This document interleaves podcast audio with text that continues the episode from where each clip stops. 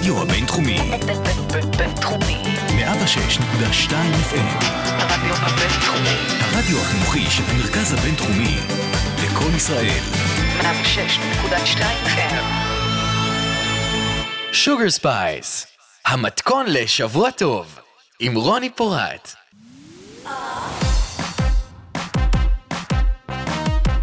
היי, יואו! היי, היי, היי. מה שלומכם? אתם מאזינים ומאזינות ל Sugar Spice ברדיו הבינתחומי 106.2 FM, אני רוני פורט. אני שי קלוט. למי שלא מספיק להאזין לכל התוכנית היום, אפשר למצוא אותו באפליקציה של הרדיו הבינתחומי, באפל פודקאסט, בספוטיפיי ובגוגל פודקאסט, ואתם כמובן מוזמנים לעקוב אחרינו ברשתות החברתיות ולהישאר מעודכנים בכל מה ש Sugar Spice לדעת. או יא. היום אנחנו מציינות יום חשוב, את יום האישה 2021, queens. תרימו. תרימו. באנו להרים. באות להרים, באות גם להקדים, כי ככה אנחנו חושבות שצריך להיות. לא רצינו לבוא ולהגיד, אה, בדיעבד וזה. אנחנו רוצות לפני לציין. חברות, חברים, אנחנו הספתח לאירועי הציון. נכון. לאירועי יום האישה. לאירועי יום אנחנו האישה. אז באמת אנחנו נדבר היום על יום האישה. בין בכל היתר, מיני כן, מובנים. מכל- מכל זווית. ודברים אה, אה, fun מפתיעים, וגם אה, קצת אה, משוויזים, לא יודעת. טיפה, קצת אמת. קצת אמת. קצת אמת בפרסום. אפשר, מותר, אפשר. לעתים מותר לעשות עבודה של אמת. כן. אה, אז מה זה יום האישה בשבילך, שי? מה זה יום האישה בשבילי? אז אנחנו תכף ניגע אה, באמת קצת במקורות היום, ומאיך הוא הגיע, ולאן הוא הולך, ו- ואיך הוא תפס אותנו בקורונה, ופה ושם ושם ופה. אה, וקצת בהקשר של המקורות שלו, אז אה, סבא וסבתא שלי הם אה, יוצאי ברית המועצות, אוקיי? והעניין הוא כזה שהם ממש מציינים את יום האישה.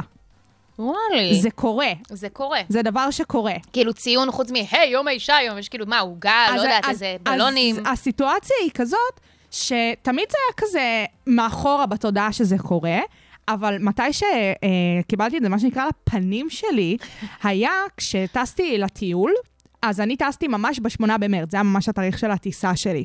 וואלה. זה היה באמצע הלילה, וערב לפני זה הלכתי להגיד לסבתא לסבא וסבתא ביי, את יודעת, להיפרד מהם לפני שטסים, לטיול הגדול והכל. ובאתי עם אחותי, אחותי התלוותה אליי אה, כזה לביוש, ואנחנו נכנסות אליהם הביתה, ואנחנו פשוט רואות את סבא שלי יושב ליד הטלפון, עם הספר טלפונים שלו, מחייג אישה-אישה, נקבה-נקבה, שיש לו ברשימת הטלפונים, ומאחל לה יום אישה שמח. באמת? בשמונה במרץ. וואו, זה הדבר הכי יפה ומתוק ששמעתי אי פעם אולי. עכשיו באמת, נשבעת לך, רוני ואחותי ואני אני מסתכלות מאמינה, על זה, oh my god. ואנחנו אומרות לסבתא שלי, סבתא מה הלו"ז, והיא כזה, כאילו יום האישה, סבא מציין, והוא מתקשר לכל הנשים, מאחל להם יום אישה שמח. בואנה, סבא. עכשיו, שיהיה בריא, סבא ראובן. עכשיו, אה, באמת, אה, זה היה מאוד מאוד חמוד. ממש. ו- ושם גיליתי שזה משהו שהוא עושה, כאילו לפני זה אני לא ידעתי, כאילו... מה הוא מאחל להן? הוא מתקשר, נגיד רוני, כן. רוני, מתוקה, שיהיה לך יום אישה שמח. זהו. זהו. ואז הוא מדבר, כאילו, מה קורה, אה, מה מה, קורה? מה זה, מה אה, עשית היום, קול. כזה, אבל הוא כאילו ממש מתקשר בשביל להגיד, יום אישה שמח. וואו. ו- וזהו, וזה ממש אה, עניין. מרגש, סבא ראובן, אני ממש מעריכה את זה, שתדע לך, ואני ממש שמחה לסבתא. אה, שהיא כבר נפטרה, אבל לא משנה, בסדר, בזמנו. בזמנו הכל, it's a circle of life, היה, מה לעשות? כן, היה, ווואו. אבל בסדר, וכן, ו- ומאז אני כאילו הבנתי כמה ש... אה, זה יום שתלוי תרבות. כאילו, יש תרבויות מסוימות שהיום הזה זה אשכרה עניין, כמו שאנחנו מתקשרים בראש השנה לדודות ולמי שלא צריך ל- להגיד חג שמח, אז זה אשכרה משהו שגיליתי בדיעבד, שאצל סבא וסבתא שלי עושים. וואו. אז אה, כן, ואנחנו אה, נדבר באמת מאיפה היום הזה הגיע. בהמשך, בהמשך. וכרגע אנחנו נתחיל פשוט אה, את הסימנים של הנשים עם כל השירים אוי. שאנחנו רוצים להביא היום. לגמרי, לגמרי. תתכוננו להרבה אסטרוגן במוזיקה היום, ו-let's have some fun. Let's have some fun. Sugar Spice, המתכון לשבוע טוב, עם רוני פורט. אז נביא קצת בהיסטוריה, אה? טיפה, נרביץ מידע. אז אה, יום האישה הבינלאומי צוין לראשונה ב-28 בפברואר 1909 בארצות הברית. אי אז. אי אז, תכף תבינו איך מפברואר זה הגיע למרץ, אתם כבר תבינו הכל. אה, בעקבות ההצהרה של המפלגה הסוציאליסטית של אמריקה לזכר שביתת, איגוד פועלות נשים שהתקיימה ב-1908, שזה אגב, פחות או יותר שם התחילו כל מיני הברכיים של ארגוני הפמיניזם המודרני שאנחנו מכירים. חד משמעית. אז אה, תמשיכי, שי. ואז מה שקרה זה שבאמת אה, זה התחיל בארצות הברית, יש קצת ויכוחים אם זה באמת התחיל שם או לא, אבל בשורה התחתונה זה איפשהו אבן הדרך אה, בהיסטוריה, זה הופץ גם לשאר מדינות המערב, ובערך ב-1911 אה, אה, זה קפץ ל-18 במרץ, היו כל מיני הפגנות, בערך 300 הפגנות ברחבי העולם המערבי, בעיקר אירופה המערבית וארצות הברית. אה, בערך מיליון משתתפים סך הכל בשביל להפגין את אותן זכויות של נשים בהקשר של איגודי עובדות, זאת אוקיי? אומרת שנשים עובדות, לא בהקשר של בדיוק. נשים באופן כללי. בדיוק. עכשיו, זה לאט לאט התפשט, ואז מה שקרה זה שבאמת, אה, אם דיברנו על הצד המערבי של הגלובוס, אז בואו נלך, נלך רגע לצד המזרחי, ולא המזרח הרחוק אה, במזרח, אה, דרום-מזרח אסיה, לגוש המזרחי, לברית המועצות, שבאמת באותה תקופה אה, גם אנשים שם לקחו את זה כאיזשהו יום. התחילו שם הפגנות, מה שלימים הפך אה, למהפכה הרוסית, זה היה איזשהו אירוע, הספתח של המהפכה הרוסית, שבסופו של דבר גם הביאו אה, לנפילתו של הצאר הרוסי, הצאר ניקולאי, וגם לעלייתו של לנין, אוקיי? עכשיו, אה, מה שקרה זה שמי שיודע ומי שלא יודע, אה, עד המהפכה הרוסית, לוח השנה בברית המועצות לא היה הלוח השנה הגרגוריאני, אני לא ידעתי את זה. אז באמת, זה לא אותו לוח שנה, ובגלל זה, זה המהפכת פברואר, ואז כשהם התאפצו, התאפסו עם לוח השנה הגרגוריאני, זה הפך לשמונה במרץ. כן, זה פשוט כי כזה כבר הזמן קצת, בדיוק, הזמן, זה. התאפס, זה התאפס לו. קיוט. אה, ואז מה שקרה, לנין הכיר טובה לנשים שעזרו לו אה, להפיל את הצער, לעלות אה, לשלטון ברית המועצות, ופשוט החליט שזה יהיה יום חג רשמי בברית המועצות. אה, אז באמת, בכל ברית המועצות והמדינות הקומוניסטיות של הגוש הקומוניסטי ציינו את היום הזה, ב-1965 זה גם הפך ממש אה, ליום שבתון, ולא רק ליום חג שמציינים. וב-1977 המערב אה, חזר ל, אה, לציין את היום הזה, ובאמת אה, זה הפך לאיזשהו אירוע עממי, אפילו אה, עצר, אה, זה קרה כשהעצרת הכללית של האו"ם הזמינה את המדינות להכריז אה, על השמונה במרץ כיום האו"ם לזכויות נשים ולשלום בינלאומי. זאת אומרת, מההתחלה, מהשורשים והמקורות של היום הזה כחג, אה, לאיגודי העובדות הנשיות, זה הפך ממש ליום שמציינים אה, נשים פשוט בכל העולם. אה, עכשיו, אפשר להתווכח רגע באמת אם אה, צריך את היום הזה אה, בשנת 2021, אה, ועד היום יש ביקורות מזה שבעצם מי שהביא את החג הזה לאן שאנחנו מכירים אותו היום, זה באמת אותן מדינות אה, גוש קומוניסטי, שהרי בכל העולם אה, יש איזשהו ויכוח בין אה, הגוש המערבי לגוש הקומוניסטי. בשורה התחתונה, אם אנחנו רגע נזכרים במקורות שלו, שזה משהו שבא אה, לציין את הנשים העובדות, אני חושבת שזה קצת אירוני בעת הזאת של הקורונה, כשמי שיודע ולא יודע, ואנחנו נביא פה את הנתונים למאזינים והמאזינות שלנו, שבטח בישראל, אה, מי שנפגע בעיקר בשוק העבודה בתקופת הקורונה, הן הנשים. מהמם. פשוט ככה. אז לשאלתכם, האם צריך את היום הזה? כנראה שעדיין. כנראה שעדיין, ואנחנו אה, כן. לוקחות את זה דווקא לזווית של המקורות של היום הזה, ולאו דווקא למובן ההילול נשים באיזה דרך ש... אישה לאישה מלכה. כן, כל זה, שכאילו סבבה, זה טוב וזה חיובי, כל דבר חיובי הוא חיובי, כן? נכון, כזה. זה בדיוק. מה- קשה מה- להתכחש לזה. מה, מה, מגדילים את העושר המצרפי בעולם, למה לא? נכון. אה, אבל אם אנחנו באמת רגע נסתכל על התכלס ועל מה שכאילו לפני הכל, אז fucking הקורונה הזאת גומרת את אפשרויות התעסוקה לנשים במדינת ישראל. נכון, אנחנו רואים את זה לאנשים באופן כללי, אבל אה, עם הנתונים כלפי נשים גם מאוד מאוד קשה לה, להתווכח. תני להם איזה name dropping של numbers. אז בואו רגע נבין איפה היינו לפני הקורונה, כי באמת, מאז ומתמיד גברים עובדים יותר מנשים, אבל וואלה, בשנים האחרונות כן הצלחנו לצמצם איזשהו פער אל מול מדינות ה-OECD, אה, ואפילו באיזשהו מקום, השיעור המועסקות אה, במשק הוא גבוה מהממוצע באותן מדינות. בישראל עומד על 70, עמד, כן, לפני הקורונה, על 75% מהאנשים שעבדו, לעומת 66% אה, במדינות ה-OECD. כמובן שהנתונים מתייחסים לנשים חילוניות, אוקיי? יהודיות חילוניות, לא מדברים פה על נשים ערביות ולא מדברים פה על נשים חרדיות, ש... אה, באמת אה, אה, לוקחות חלק בשוק התעסוקה. ואז מה שקורה זה שהכל התחיל כמובן בסגר הראשון, במרץ של שנה שעברה. אה, 56.4% מהמובטלים הן מובטלות, אוקיי? יותר מחצי. זה המשיך ככה גם לסגר השני, 60.4%. אה, ובסגר השלישי, הסגר שלא לא מזמן הסתיים לו, 70 אחוז מובטלות, שזה מטורף. וואו.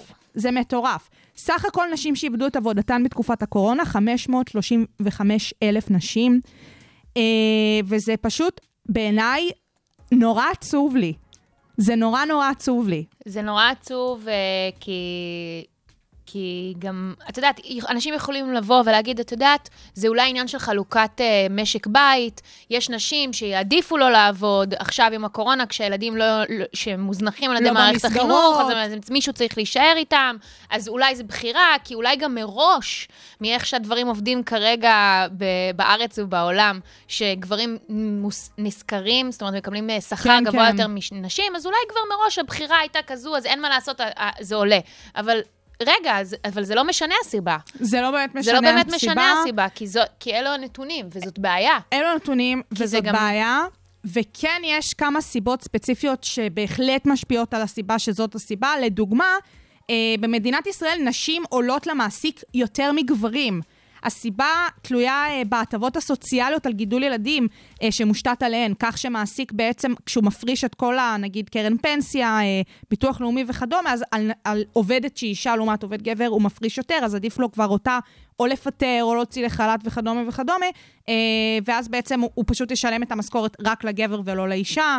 כמובן שיש גם נתונים שהם פשוט תפיסות מגדריות בקרב מנהלים, שחושבים שגברים מתמודדים עם אה, מצבי משבר ומצבי לחץ טוב יותר מנשים, אז הם מעדיפים להשאיר את הגברים בעבודות ובמשרות שלהם, וכן אה, להעזיב את הנשים. אה, אם אנחנו מסתכלים באמת אה, אשכרה על אה, תפקידי מפתח, גברים, לרוב, הם אלה שעובדים בתפקידי מפתח בארגונים, ככה שאי אפשר לוותר עליהם מבחינת הארגון. וזה מטורף. זאת ביצת תרנגולת, זה. איזושהי ספירלה שמאוד מאוד קשה לצאת ממנה, כי גם בסופו של דבר כל גורם משפיע על השני, כל, כל גורם גם קשור לשני. את האמת שגם אני חושבת שבגישה בגישה שלנו היום בנושא הזה, זה עניין שאנחנו לא יכולות להתווכח בכלל עם הנתונים, אנחנו גם לא חבר'ה. באות בהכרח... אה, שחור על גבי לבן. כן, כי לא משנה כמה נסביר אותם, בסופו של דבר מדובר ב-535 אלף נשים שאיבדו את עבודתן אה, ככל הנראה מתחילה, מתחילת הקורונה, או שהצליחו להחזיר, אבל שוב, 70 אחוז, לפי הסגר השלישי, 70 אחוז מהמובטלים הן מובטלות. מובטלות, לגמרי. זה כאילו, אה, אי אפשר כבר להגיד מובטל, אלא מובטלת. אוקיי, אז עכשיו שיש לנו את כל, ממש, את כל הנתונים הנהדרים, הוואו האלה, מה, איך זה משפיע עלינו בטווח הארוך? זהו, אנחנו לא מדברות על זה סתם כי זה יום האישה, כן? אנחנו מדברות על זה כי זאת באמת בעיה שהולכת להיות בלונגרן. כי מחקרים מראים באמת אל מול אה, כל מיני משברים עולמיים שהיו קודם, אם אנחנו לוקחים מאוד אחורה למלחמות, למלחמות העולם, אה, או לכל מיני מלחמ- מלחמות נקודתיות במדינות מסוימות, או אפילו למשבר הכלכלי שהיה ב-2008, שזה כאילו לא כזה רחוק. בסופו של דבר, האנשים שנפגעו במשבר הזה, זה לא עניין של הכלכלה משתקמת ויהיה בסדר. לא. זה לכמה שנים, זה הולך קדימה, וברגע שעכשיו, בשנה הזאת, באופן נקודתי, אנחנו רואים שנשים נפגעו, נפגעו יותר מגברים, אנחנו יודעות להגיד ולחזות שהן גם ייפגעו בטווח הארוך, וזה לא סבבה. מה שזה אומר, שהמדינה פשוט צריכה אה, לאסוף את עצמה ולעשות כאן כל מיני תוכניות כלכליות או כל מיני אה, אה, תוכניות תעסוקתיות בשביל לדאוג להחזיר את הנשים האלה לשוק התעסוקה. זה לא רק העניין של משכורות, חבר'ה, זה לא רק הסיפור של לקבל את דמי האבטלה מהביטוח הלאומי, זה לא, זה לא רק שם. צריך לזכור שכשאישה מפוטרת, כל הציר פיתוח התעסוקתי שלה נקטע באותו רגע. עכשיו, אנחנו מדברות על זה פה כאילו באולפן, והכל נורא סטרילי. אני בטוחה שאת מכירה חברות שלך בטח. שפוטרו, ולא יודעת מה הולך להיות במשפחה. ב... זה מזעזע רק לחשוב על זה, ואפרופו שאני מדברת עלינו בתור בחורות צעירות, כי באמת רוב הנפגעים בתוך המצב הזה זה נשים צעירות. נשים צעירות נפגעו במשבר במיוחד, בקרב בני 20 עד 24, 60 אחוז נקודה 5 מהנשים איבדו את עבודתן, לעומת 39.5 גברים בני אותו הגיל. זה מטורף. זה משבר כאילו אין לנו תעסוקתי. עתיד.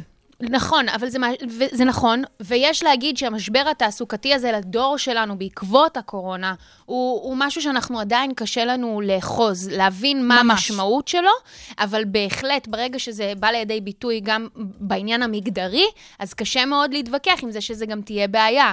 זאת אומרת.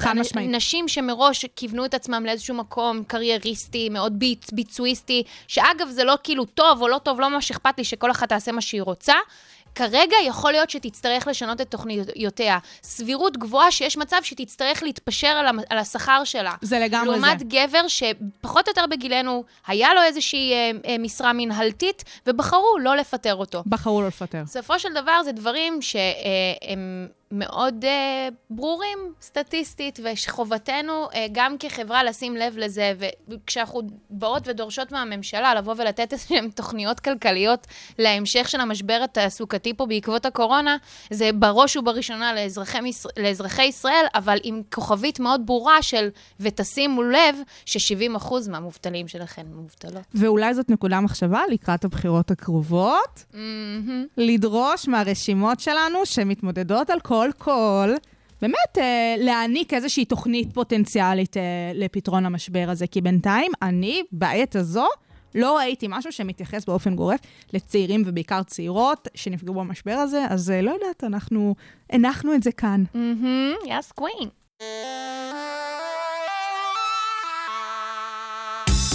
הרדיו הבינתחומי, בינתחומי. 106.2 FM, Sugar Spice, המתכון לשבוע טוב, עם רוני פורט. Up, up, איזה שיר. רוצות להרים לכם, אתם יודעים למה? כי אנחנו יכולות לדבר עכשיו על משהו שהוא לא פשוט לנו בכלל. והלוואי ולא היה, וואלה, הלוואי ולא היה דבר. כן, מדוע? כי זה חלק מהמציאות שלנו כבר הרבה מאוד שנים, ואנחנו בבעיה. בעיה מאוד מאוד קשה. אז אה, קבלו אה, במחיאות כפיים את התופעה של המאה ה-21. סתם, היא הייתה פה מאז ומתמיד, אבל בא לנו לדבר עליה במיוחד היום. תופעת ההסגברה. כן, או באנגלית mansplaining. מה זה בעצם אומר, רוני? זה הלחם בסיסים של המילים הסברה וגבר. או. אה, זה מצב שבעצם בו גבר מנסה להסביר לאישה משהו באופן מתנשא. בייחוד אם זה בתחום שהיא כבר אה, אה, מומחית בו, או שהיא יודעת, או אפילו מתמצאת יותר ממנו, אוי, אוקיי? אה, אז אני, אני סתם, אני אתן לך דוגמה. יאללה. יגיע איזה בחור, כן. ויגיד לך, תראי, איזה מר בחור, כן. איזה מר בחור. Uh, ויש מצב שהוא יודע שאת לומדת משפטים, ויש מצב שהוא בכלל לא יודע שאת... אבל כך או כך, הוא מגיע אלייך ואומר לך, תשמעי, העתירה שהייתה בבג"ץ שבוע שעבר, את לא מבינה בכלל. ואת אומרת לו, אני כן, אני קראתי את זה. והוא כאילו כמובן התעלם אם את מכירה, זה קרה לך, אני קצת כאילו מרג- מרגישה הזדהות עם הסיטואציה, מה זאת. אומרת? בחנייה, כאילו, מה זה- רחוק, עתירות של בג"ץ וזה, דברים ברומוז, בלי שטויות נכון, רגע. תכלס, בואי נפשט את זה. מאוד נכון, גם קרה לי שבוע שעבר, נכנסתי לחנייה, איזה בחור מסתכל עליי, הוא אומר לי, הכל בסדר? אז אני מסתכלת עליו, כן, אני יכולה לעזור לך? כאילו, למה לא של, אמרת לו? לא, אני יכולה- במחזור, קשה לי היום, אני מדממת. במה אני יכולה לעזור לך, אדוני, שאתה חושב שאתה יכול לעזור לי? אז הוא אומר לי, לא, נראה שאת אה, זה, ווואלה, אני חונה מדהים. ואז יש לך הוא... פרצוף של חונה מדהים. תודה. ואז הוא אמר, לא, אני חשבתי שאת צריכה עזרה. מה, אני לא ביקשתי אפילו עזרה, ואתה באת וניסית בכלל, ולמה, אתה חושב שאתה בן אדם ממש טוב, אבל אני לא מכירה אותך ואני לא רוצה את העזרה שלך, ואם אני אצטרך את העזרה שלך, כי אני כזו שברירית, אז אני פשוט אבקש אותה. העלמה במצוקה. עלמה במצוקה? אז אה, תכלס, אה, מדובר באמת בהתנהלות שקורית, תראו, יש לה שם עכשיו. היה דברים, קרו דברים, עכשיו יש לה שם. אה, יש... זה, השיח סביב זה הגיע בתכלס, אה, יותר נקרא לזה ממחוזות ארצות הברית, גם משם זה בטח. הגיע mansplaining, פחות או יותר, אה, אני הייתי אומרת דרך המיטו, אולי טיפה לפני אפילו. כן. שזה הפך להיות כזה השטג ב- ברשתות החברתיות. המון ו- טוויטר, המון. נכון, וכולן אה, ככה באו ונתנו כל אחת את ההסבר שלה ואיך זה פוגש אותה. אני, אחת הקבוצות האהובות עליי בפייסבוק, נו. היא הסגברה, כאילו בואי תסגבירי לי כזה, וזה כמויות של דוגמאות, שבאמת, אם אתם חושבים שהתופעה הזו לא קיימת, יש שם גם צילומי מסך וכל מיני דברים. תכף אתם תבינו כמה זה פוגש אתכם בחיי היום-יום, בלי שתבינו אפילו! כן. ועוד ממי. אז כדי, זה גם לחזק את זה. עכשיו, תראו, יש הרבה אה, אה, תפיסות סביב הדברים, בכלל אה, אקטיביסטים, של מה אני צריך לשמוע את זה עכשיו, של מה אכפת לי, החיים שלי יסתדרו נהדר בלי זה. אם אנחנו באמת רוצים לצעוד למקום שבו החברה משתפרת, שוויונית, נעימה יותר לכל החלקים בה, ולא נעימה לאנשים מסוימים, ואז הם כזה, אה, אופס, אה, לא התכוונתי. אז סתם כזה, איזו סיטואציה שבה אנשים כזה חושבים לפני שהם אה, מתנהלים, אז כן. זה דבר, זה דבר לדבר עליו. כן. זה משהו שצריך להבין, ואני באמת חושבת, אה, אפרופו שזה גם לחלוטין עניין דורי, כאילו, יש פה איזה משהו שבסופו של דבר גברים אה, לבנים מבוגרים עושים את זה קצת יותר מגברים אחרים, נגיד את זה ככה. אה, יכול להיות, יכול, אולי אפילו הייתי אומרת שזה, כן, כאילו יותר דורי מאשר אה, אה, מוצאתי, אבל אה, זה קורה גם עם דורנו אנו, וגם, אה, אתם יודעים, כל ההצהרות האלה שלנו וזה, אפשר ללמוד, לא צריך עכשיו, זה לא הכל שחור ולבן. בואו לגמרי. נמשיך וזה. לגמרי. אז איפה ה mansplaining פוגש אותנו הכי אה, במדינת ישראל? אני, אה, אה, ב... לא, לא בשנה האחרונה, בשנה האחרונה החלטתי ממש לעשות סקירה של הדבר. זה נכון, אה, היא כבר שוחחת איתי על זה הרבה, חברים. ופשוט איזה כיף שהגיע שמונה במרץ לדבר על הדבר הזה. וחבר'ה, אנחנו רוצות להרים פה למסגבירן נאמבר 1 במדינה. המסגבירה הכי טובה. הכי טובה. היא עומדת בראשה. בנימינה! יא... מה שלומך? ביבית. תקשיבו לי ביבית. טוב, אה, ראש הממשלה שלנו, בנימין נתניהו, הוא פשוט המסגבירן נאמבר 1. אם אתם רוצים להבין מה זה בכלל אומר התופעה הזאת, כאילו, אתם לא יודעים מה זה, אתם לא ברור לכם, הסברנו פה וזה נשמע לכם מופשט מדי, אין בעיה. תחפשו ביוטיוב מסיבת עיתונאים בנימין נתניהו, תעשו פליי, תעבירו עד לחלק של הבאמת מסיבת עיתונאים, שאלות תשובות של העיתונאים, ותבינו. ואני אסביר לכם בדיוק מה קרה בשנה החולפת. בנימין נתניהו עשה מלא מסיבות עיתונאים, שזה משהו שהוא כלל לא לא. עושה. בדיוק. הוא מפחד מהתקשורת, נורא מפחידים אותו שם בתקשורת. הוא שולט בה בזה שהוא לא פונה. לא פונה אליה וזה. ומה שקרה זה שאיכשהו ברוב מסיבות העיתונאים שהיו בשנה החולפת סביב הקורונה, אם זה באמת מההתחלה, מהאמצע, מהסוף, לא משנה, איפה שלא תחפשו את המסיבות העיתונאים. ויש גם עיתונאיות נשים זה לא כזה. שיש, איכשהו יצא שהיו יותר עיתונאיות נשים במסיבות העיתונאים האלה. אוי, אוף, אופוש. עכשיו, אני אגיד לכם מה העניין, שזה אשכרה מקרה בוחן. לכו, חבר'ה, תיקחו את עצמכם, בעיקר את עצמכם, לכו ליוטיוב, באמת, תרשמו ביבי נתניהו מסיבות עיתונא- עיתונאים. אני אומרת לכם, אני ממש אתמול, לפני התוכנית, עשיתי תחקיר, עברתי דקה-דקה ביוטיוב בשביל לבדוק, וזה, לא לבוא כמו מטומטמת ולתת לכם סתם. אז אה, בואו תראו לדוגמה, אה, ב-15 ביולי, ביבי עשה. בשנה האחרונה, כן? כן, הכל כן, זה דוגמאות אה, ב-2020. בשנים האחרונים. אה, אז מה שקרה, אה, מסיבת עיתונאים סביב הסיפור של מענק לכל אזרח, אם אתם זוכרים, 750 שקל שהממשלה החליטה לחלק. אה, במסגרת... מס- הסוכריות. הסוכריות. במסגרת מסיבת העיתונאים, היו שם מספר עיתונאיות. לדוגמה, עמליה דואק מחדשות אה, 12, מי שיודע או לא יודע. מכירים, מכירים. כן, עמליה היא בוגרת אוניברסיטת תל אביב בהצטיינות בתואר במשפטים. חבר'ה, היא לא... לא פריירית. לא פריירית. מגיעה עם תעודות וקבלות, מה- אה? והצטיינות. וואי. לא סתם. הבן אדם מדבר אליה, אני מבקש מכם להסתכל לפני הכל, תשימו על מיוט רק תנועות גוף, רק שפת גוף. איך שהוא פונה אליי עם הידיים, איך שהוא פונה אליי עם המבט. באמת, להקיא. אנחנו נמשיך הלאה, ליאור קינן, חדשות 13, גם היא בוגרת תואר משפטים. אני לא צוחקת איתכם, הבן אדם פשוט גיחך לה בפנים, סבבה? דפק כזה, כאילו, חרדה. הוא מתנהל כך עם, סל- סליחה, שאלה מהקהל. בבקשה. הוא מתנהל ככה גם עם עיתונאים, יפה גברים? מאוד. במקרה, גם גברים היו שם. לדוגמה, ניתאי ענבי, בסדר? הוא הכתב אה, של גל"צ. אה, אין לו אפילו תואר, הוא פשוט אה, בן אדם שגדל בגל"צ, אה, עיתונאי, עיתונאי, בסדר. אנחנו לא, אנחנו לא מפקפקות בזה, רק כדי להראות לכם, אתם יודעים, פה, אה, זה, אה, כן, כן. לא, הוא לא הגיב אליו ככה. הוא ענה מה שנקרא לגופו של עניין. בצורה לגיטימית. בצורה לגיטימית. כמו שאמור שאלה, להתנהל עם ראש ממשלה תשובה. ועיתונאי. אפשר להגיד תשובה פופוליסטית, אפשר להגיד אה, עיוות אה, דברים וכאלה, בסדר, לא לשם אני נכנסת עכשיו, אני מדברת נטו על איך הוא מתייחס. ומה אופי התשובה שלו לגברים לעומת נשים. וחבר'ה, זאת הייתה דוגמה אחת. אה, יש לי עוד דוגמאות, אה, גם כן ההשוואה של גברים ונשים, עיתונאים ועיתונאיות, ואפשר לראות עוד כמה דברים שבנימינה עושה לאורך השנים. אה, ראש הממשלה שלנו כבר בכמה ממשלות. מעולם הוא לא מינה כמנכ"ל למשרד שלו אישה.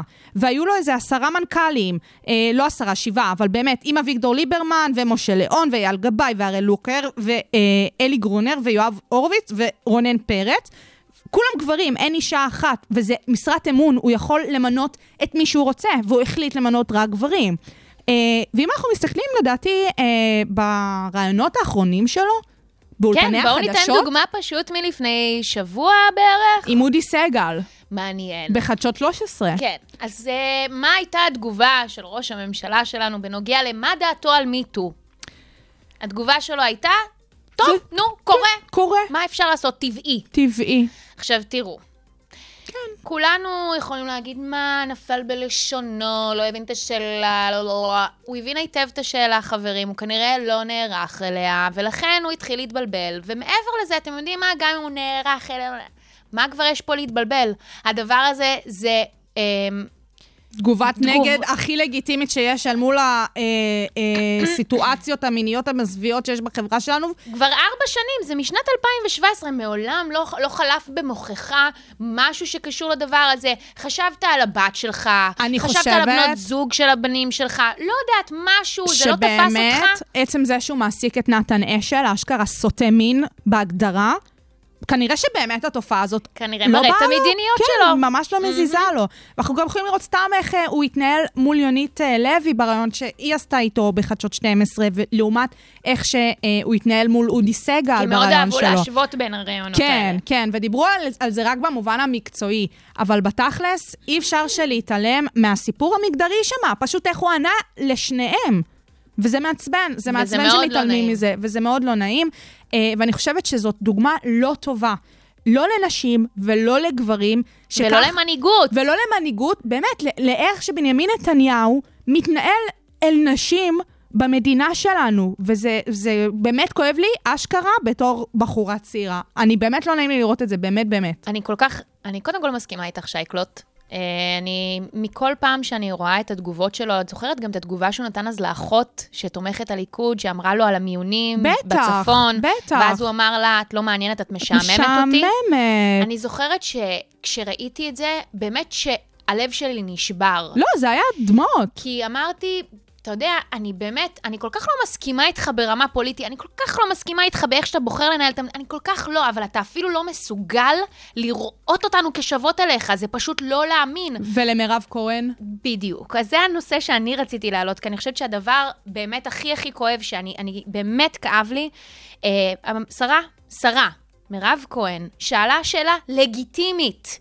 מאוד את הראש ממשלה שלה. היא פנתה אליה ואמרה, למה אין נשים בקבינט הקורונה המצומצם? היא רצתה ייצוג ליותר מ-50% מהאוכלוסייה בתוך הקבינט קורונה מצומצם. אני חושבת שזה לגיטימי לכל דבר. את חיה בסרט. כי אין מה לעשות. את באה פה עם בקשות מעל מישהו- הפופיק. נכון. באה קופצת קפיצה לגובה. כי כנראה שאותם כגברים לא ממש מעניין שיש 70 אחוז מובטלות. הם לא ממש מתייחסים לזה, כי אנחנו עובדה, אנחנו לא רואות שום התייחסות לזה, אבל יכול מגזימה. להיות שאם הייתה אישה בקבינט המצומצם, אז אולי כן הייתה התייחסות לזה. אז מה הייתה התגובה של ראש הממשלה לזה? תני אותה, תני אותה. התגובה שלו הייתה, גם אני שואל לפעמים, באמצע הלילה, למה הרמזור אדום? שמה זה אומר? את משעממת אותי, את שואלת שאלות שמה מה את שואלת מחט לתחת? מה זה הדבר הזה? תן תשובה עניינית. ששה, תן ששה, תשובה פקה, פקה. שקשורה ל- למה ששאלו אותך. מה הקשר, מה שאתה אמרת עכשיו, חוץ מאשר התנשאות? אני, אני, מעל אישה, אגב, כן, כי אתה מתנשא מעל נשים, לא רק מעל אנשים באופן כללי, כמו שאוהבים לשיא אותך מלך, גבר, לה לה לה לה, אלא כי הוא מתעלם באופן שיטתי מנשים, אי אפשר להתעלם מזה. הוא מפחד מנשים, רוני? אה, אני חושבת שכן. כי אם הוא לא היה מפחד מנשים, אז הוא גם לא היה מפחד להקיף את עצמו ב- ביועצות נשים, או במנכ"ליות נשים. או בשרות. אה, או בשרות או נשים בחברות בקבינט. קבינט, או מה שזה לא יהיה, זה לא כי- משנה, הבן אדם הזה מרחיק נשים מכל מוקדי הכוח למה? במדינה הזאת. למה? והוא מסוגל, הוא עושה הכל במדינה הזאת, והוא מחליט. זאת ההחלטה שלו. אתם לא קולטים את זה? אתם לא קולטות את זה? זה מה בא לו. אה, זה מה בא לו, וזה לצערנו מוביל למגמות בתוך החברה שלנו, כי זה ראש הממשלה שלנו. ואני מתביישת. אל תתביישי, רוני. לכי זקופה. Sugar Spice, המתכון לשבוע טוב, עם רוני פורט. רוני, כן. יאללה, קצת קלוט עם שייקלוט לכבוד יום האישה וזה. כן. אז באמת היה איזה נושא שרציתי לדבר עליו כבר כמה זמן, ווואלה, ננצל אותו ככה לכבוד השמונה במרץ, שזה בעיניי אה, שווה לדבר על החשיבות שבזה שילדות יעסקו בכלל בספורט. אה, האמת שאני שמעתי את זה פעם ראשונה בהרצאה. אה, יש כאן בבינתחומי אה, מועדון שנקרא פרו-וומן, שזה קידום נשים במשק הישראלי, שסטודנטיות יכולות אה, לקחת בו חלק. אה, וכל פעם מגיעה דוברת אחרת ומדברת אה, או על הדרך שלה, או על איזה נושא מסוים מזווית אישית. ואחת הדוברות באמת באה ודיברה, אה, ואחד ה, אחת, אחד הסליידים שלה היה על זה שבעצם רוב המנהלות והמנהלות הבכירות שיש היום בעולם עסקו בספורט. כשהן היו ילדות, בערך 96% מהמנהלות והמנהלות הבכירות עשו את זה. שזה מטורף בעיניי, זה נתון פסיכי, זה נתון ממש מעניין. זה נתון ממש מעניין, ואני זוכרת שהיא אמרה את זה, והסתכלתי על, על, על הסלייד הזה, ואמרתי לעצמי, וואו, זה נתון, וזה נתון מובהק. זאת נכון. אומרת, אי אפשר להתווכח עם 96 אחוזים. כן. עכשיו, אני באמת באמת חושבת שהרבה פעמים אה, מההסללה המגדרית שיש די מגיל צעיר, אז כן, כנראה שאת הילדות ישלחו לחוג ריקוד, ולאו דווקא לחוג ספורט. אה, ואני באמת באמת מאמינה שצריך היום, והיום זה קורה יותר מפעם, לעשות אה, דאבל צ'ק להסללה הזאת, ורגע להבין למה זה באמת חשוב. אז זה חשוב כי זה משפיע על הילדה בהמון המון תחומים. ויש המון המון תחומי ספורט, ואני יכולה לדבר אפילו על עצמי, שאני שיחקתי כדורעף, ואני הייתי בכיתת כדורעף, שהיינו כיתה ממש שוויונית מבחינה מגדרית. אה, מה לעשות, כדורעף זה לא כדורגל, זה לא כדורסל, וזה גם לא התעמלות אומנותית, זה ענף ספורט שהוא יחסית שוויוני מבחינה מגדרית. אה, זה, יש קבוצות גברים, קבוצות נשים, ליגת נשים, ליגת גברים, והעניין סביב התחומים האלה, גם פה וגם פה, הוא די זהה. אה, ואני הרגשתי את זה בתור באמת ילדה ונערה מתבגרת, גם כשהייתי לצד גברים, שהם לא הסתכלו עליי בתור עוף מוזר. ולא רק מהבחינה אה, זה שאני בת, וכאילו כל מה, שאני, כל מה שאני זה בעצם רק אה, אה, כלי לשימוש הסיפוק המיני שלהם. לא רק זה, באמת בגלל שהיו לי יכולות כמוהם, אז הם העריכו אותי כמוהם. אה, אני הייתי גם בכיתת ספורט, מושלם. אה, והאנשים שהיו בכיתת ספורט היו בעצם או הבנים שהיו בכדורסל, כדוריד, או אתלטיקה, ולבנות היה רק תחום אחד של אתלטיקה. אני לא חושבת שהם הסתכלו על- עליי בתור מי שלא הייתה במגמת ספורט, כן. אבל הייתה בכיתת ספורט, נספחת. נספחת בדיוק. אה, כאל כלי המשהו כן, למיצוי לא. המיני שלהם, אני, כן? אני הקצנתי, חבר'ה, אה, כן, לצורך הקצנה. כן, אבל, אה, אבל זה כן מעניין, כשאת אומרת את זה, כשהם כן יסתכלו עלייך בצורה כזו, כי מבחינת ה, ה, המקום שהם נתנו לנו כבנות בתוך הכיתה, הוא לא תמיד היה שוויוני. אז כן צריך לשים על זה דגש. כאילו לגמרי. שכן יש משהו במה שאת אומרת. וחד משמעית, זה ממש לא הזיז להם, הציונים שלי, או הפעילויות החברתיות שעשיתי במסגרת התיכון. זאת אומרת, אולי גם, וכאלה, אבל אין מה להגיד ואין מה להשוות את, ה- את אה, נקודת הפתיחה שלנו, שאנחנו בכלל הגענו לאותה כיתה מאותו מקור ספורטיבי. עכשיו, אה, בואו רגע נבין את הסיפור הזה. אה, אם אנחנו רואים שנייה בנות שעוסקות בספורט וספורט תחרותי, זה יכול לעזור להן בהמון המון תחומים, גם באמת מבחינה לימודית.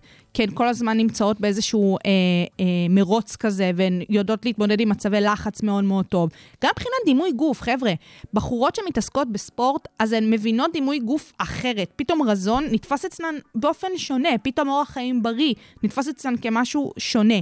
גם זה לנרמל בכלל את השיח, שבחורות וילדות נמצאות בתוך אה, ענפי ספורט. אה, כמובן ששוויון מול גברים. כמובן, אה, תפיסה של גברים את הנשים.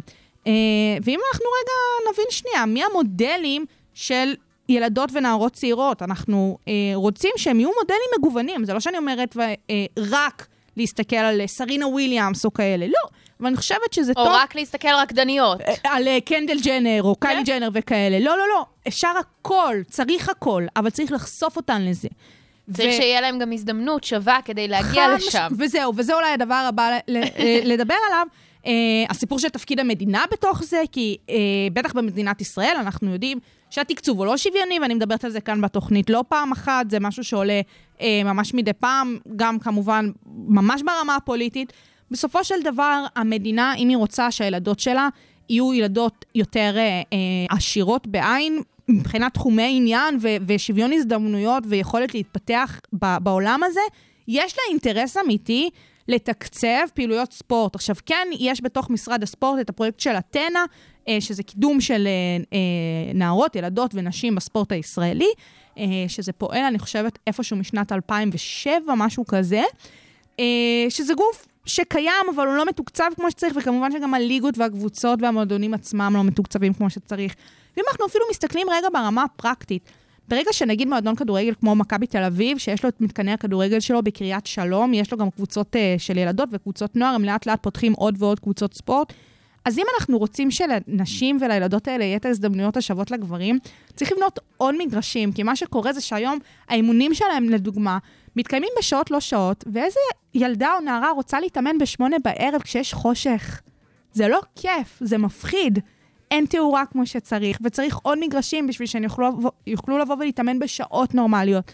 ויש לנו עוד... כי דוחקים אותם לשעות שהן כן. פשוט לא המיינסטרים, כי הם לגמרי. שמים בעדיפות את הקבוצות של הגברים. לגמרי. אתם יודעים, זה עניין של תפיסה, זה עניין של מציאות, כי הליגות של הילדים, הבנים, זאת אומרת, יותר שוות, אז כאילו מה שהם ישקיעו בזה בכלל אה, משאבים וזמן, אז זה זה, וזה היה ביצת תרנגולת, אבל זאת המציאות, וזה דבר, וגם, את יודעת, בתוך הקרב ה- הספורט הישראלי שלנו, שגם לא יקדמו אלילים שפוגעים בנשים. בין היתר, עכשיו חבר'ה, זה לא איזה העדפה מתקנת בקטע של עכשיו לתת פה תקציבים, זה לא, חבר'ה, גברים מתוקצבים יותר מנשים פי עשרות אחוזים ומאות אחוזים, זה תלוי באיזה שנה תופסים את זה. אנחנו רק רוצות, קודם כל, להשוות את התקצוב. אתם תראו מה יהיה כי פה אין כשישבו. אזרחיות פה לא פחות, אין תקשיבו. אזרחיות לא פחות. לא מעניין אותי, זה, יש מה שוויון, מה שוויון. אתה אזרח מקבל משהו, אני אזרחית מקבלת משהו שווה. ואני רק פה להגיד שאת המדליה האולימפית הראשונה במדינת ישראל הביאה אה, יעל ארד באולימפיאדת ברצלונה 1992 בענף הג'ודו. יס. רק Queens. אומרת, רק אומרת, מה שנקרא, עזבו ששעה אחר כך גם אה, אורן סמן שלקח, אבל לעד תהיה זאת שלקחה ראשונה מדליה ובאמת הביאה לנו את הכבוד. אה, ועוד פעם, זה באמת פשוט ווין ווין סיטואשן לכולם. נכון. אז אם יש לכם אחיות קטנות, אם אתן בעצמכן אימהות צעירות ואתן שוקלות מה לעשות עם הילדות שלכם, אם אתם אבות ואחים ל... תשלחו את הילדות שלכם לעשות ספורט ותפתחו אותן בכל ענף, באמת, זה יכול להיות כל ענף.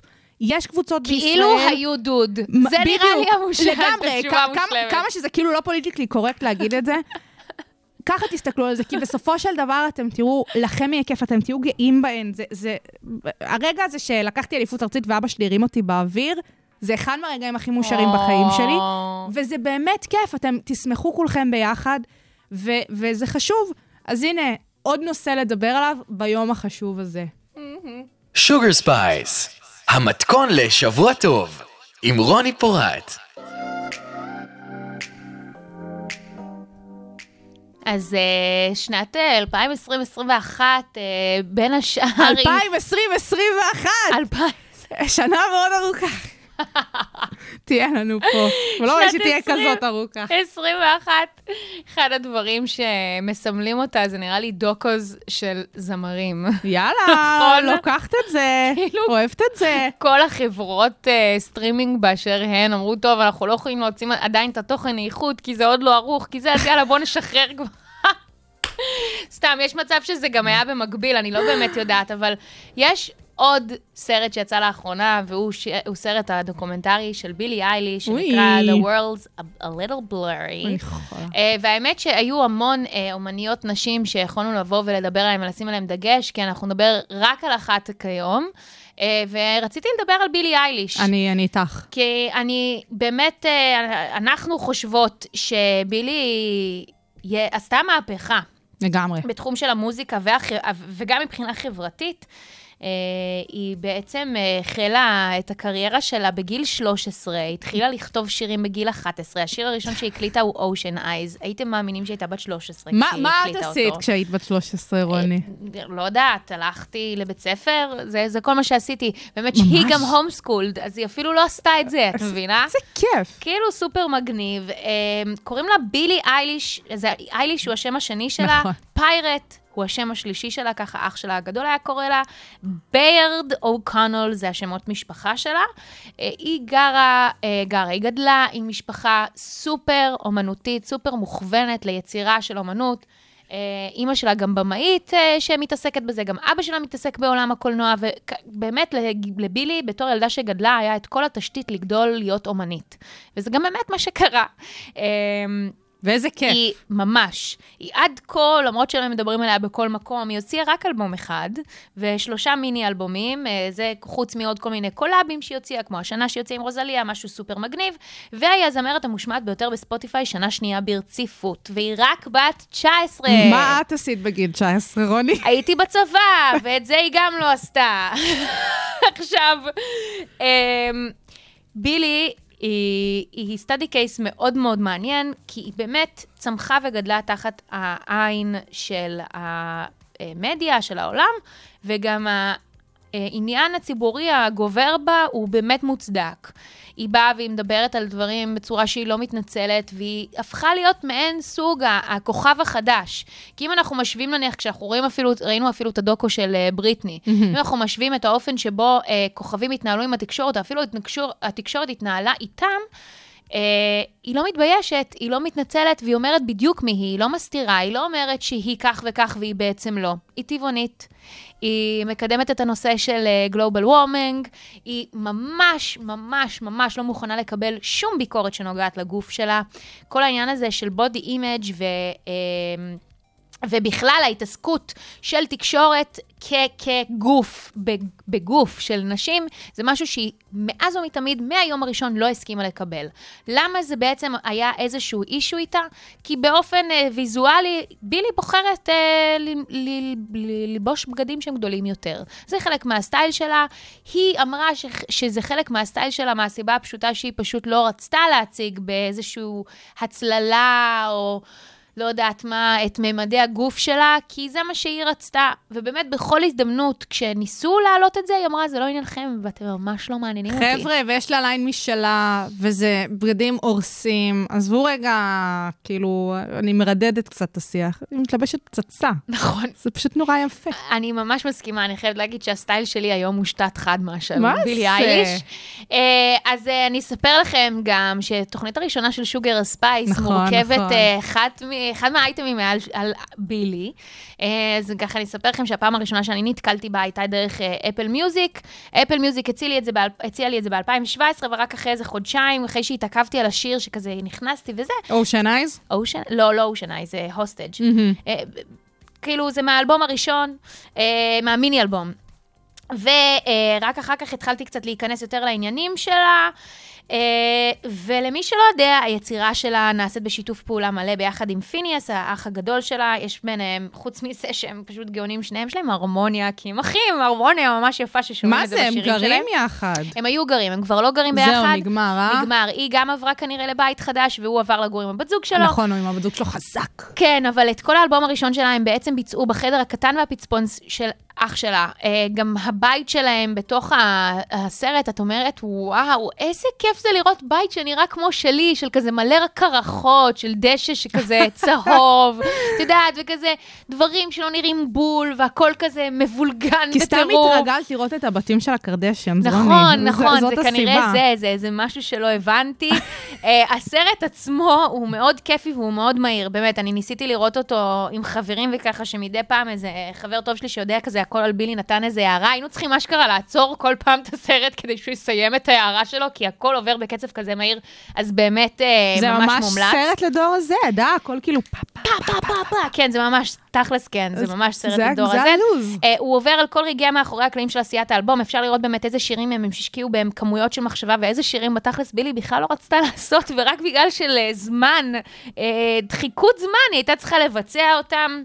עוברים גם את המשברים הנפשיים שהיא עברה וגם את המשברים הפיזיים, שכשהיא נקעה את הקרסול ואז שברה אותו, ולראות אותה גם קצת מאוהב. ו- אוי, כן, אוי. כן, אני גם לא ידעתי שזה הולך לקרות. לולי, אה, מסתבר שבילי הייתה באיזה מערכת יחסים.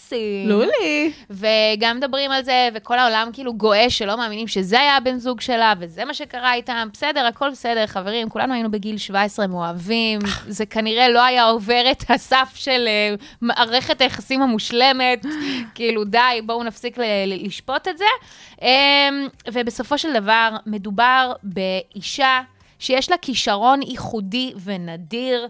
אה, שהיא באמת צריכה להתנהל גם בעולם מאוד מתעתע, שהיא יכולה להישאב למקומות שראינו אנשים כבר במעמד, שלה, אה, במעמד דומה לשלה נש- נמשכים, גם ג'סטין ביבר הפך להיות קצת כזה המ- המנטור שלה, היא גדלה להיות אה, אחת המעריצות הגדולות שלו. וואי, מה שקורה איתה ועם ג'סטין ביבר זה קורע מצחוק. ממש, זה מאוד חמוד, זה מקסים, אבל ג'סטין באמת מתייחס לזה ברצינות. נכון, הוא מאוד מעריך הוא אותה. ממש מתייחס לזה ברצינות ממש. בעניין הזה של גם לגונן עליה. ממש. כי כנראה שלא, לא הייתה את רשת התמיכה שלה יש. חד משמעית לא ומ- הייתה לו. וזה דווקא מאוד אה, משמח לראות את המעורבות של ההורים שלה ואח שלה, גם אה, במצבים הגידוליים, הנפשיים שהיא עוברת איתם, וגם כי הם אומרים, אנחנו לא, נוח, אנחנו לא נקבל את זה, ואת יודעת, כי אנחנו לא נקבל סיטואציה כזו שיפגעו בך, וגם, וגם אם כן, אז גם עם זה נתמודד. וזה כיף כל כך, וזאת כנראה גם אחת הסיבות שאנחנו רואות את בילי בנסיקה כזו לשמיים, ואני באמת מאחלת לה שתמשיך להיות ככה, כי וואו, איזה טפו! אומנית מדהימה. פו! זה באמת אה, היה כיף ומדהים לראות אותה, וסתם איזה אנקדוטה קטנה על הסרט. אותה. כי זה באמת נורא מצחיק, שתבינו כמה היא מדהימה, אך כאילו, אתם יודעים, היא גם בתוך המרחב ההוליוודי, זה עוד יחסית קצת זמן. אז בקיצור, יש איזשהו שלב שקייטי פרי מגיעה אליה ואומרת לה כזה, היי, מה קורה? את סופר מגניבה וזה, ואז היא אומרת לה, תכירי, זה הרוס שלי. ואז היא מדברת עם הרוס שלה, בילי מדברת עם הרוס שלה, בלה בלה בלה בלה בלה, ואז כזה נכנסים אחר כך לטריילר שלה, זה נראה לי היה בקוצ'לה שהיא תפסה אותה. הם נכנסים לטריילר שלה, ואז המשפחה של אה, בילי אומרת לה, כאילו, את קלטת שזה אורלנדו בלום? ואז היא כזה, אה, זה הרוס שלה, וואו. היא לא קוראת חדשות, היא לא רק גיא פינס, שהיא לא יודעת שאורלנדו בלום זה ביונסה. ראתה שר הטבעות, לא משהו. אבל כנראה שלא, וזה גם היה רגע ממש אה, מקסים, אמיתי. ו- וגם מראה שכאילו, אתם יודעים, גם הסלבס בתוך הסלבס, זה לא בהכרח אומר כלום. בא לי לתת לה נשיקה על הפדחת הירוקה שלה. אני אשמח שהיא תיפרד כבר מהפדחת הירוקה שלה, זה טעמי האישי, אבל תשמעי, שתעשה מה שבא לה, באמת. בילי, את יודעת מה את עושה, את זאתי שתבאת את עצמך לשם. הכל, אגב, באמת, עוד אה, אנקדוטה קטנה, קטנה, קטנה. כולם חושבים שבתוך המכונות האלה של הכוכבים הצעירים, זה הכל הדברים שמחליטים בעבורם. אתם יכולים לראות בסרט הזה בצורה מאוד ברורה, שבילי מחליטה על הכל לבד. אוי, אוי, קטנה שלנו. בדיוק. תגדלי. גדולה שלנו. תגדלי, את העתיד של המין הנשי, בטח במוזיקה העולמית, ואנחנו שמחות שזה מה שהולך אה, לצפות לנו בשיא הרצינות. לגמרי, ושאת הרול מודל של אה, בנות היום, אה, ושנייה לפני שאנחנו מסיימות את התוכנית Yes, שלנו, אנחנו yes. רוצות להגיד לכם תודה רבה שהאזנתם. אה, יום האישה שמח לכולם. לכולם מקוות ולכולם. שכל הדברים שאמרנו היום ילכו וישתפרו ויתקדמו, וזה באמת תלוי בכל אחד ואחת מאיתנו. חבר'ה, יש עכשיו תקופת בחירות, אתם לחלוטין יכולים לקחת את הדברים שדיברנו עליהם היום כחומר למחשבה בנוגע לאיזה פתק לשים בקלפי. אה, ושאנחנו אוהבות את כולכם ונתראה בשבוע הבא. יאללה.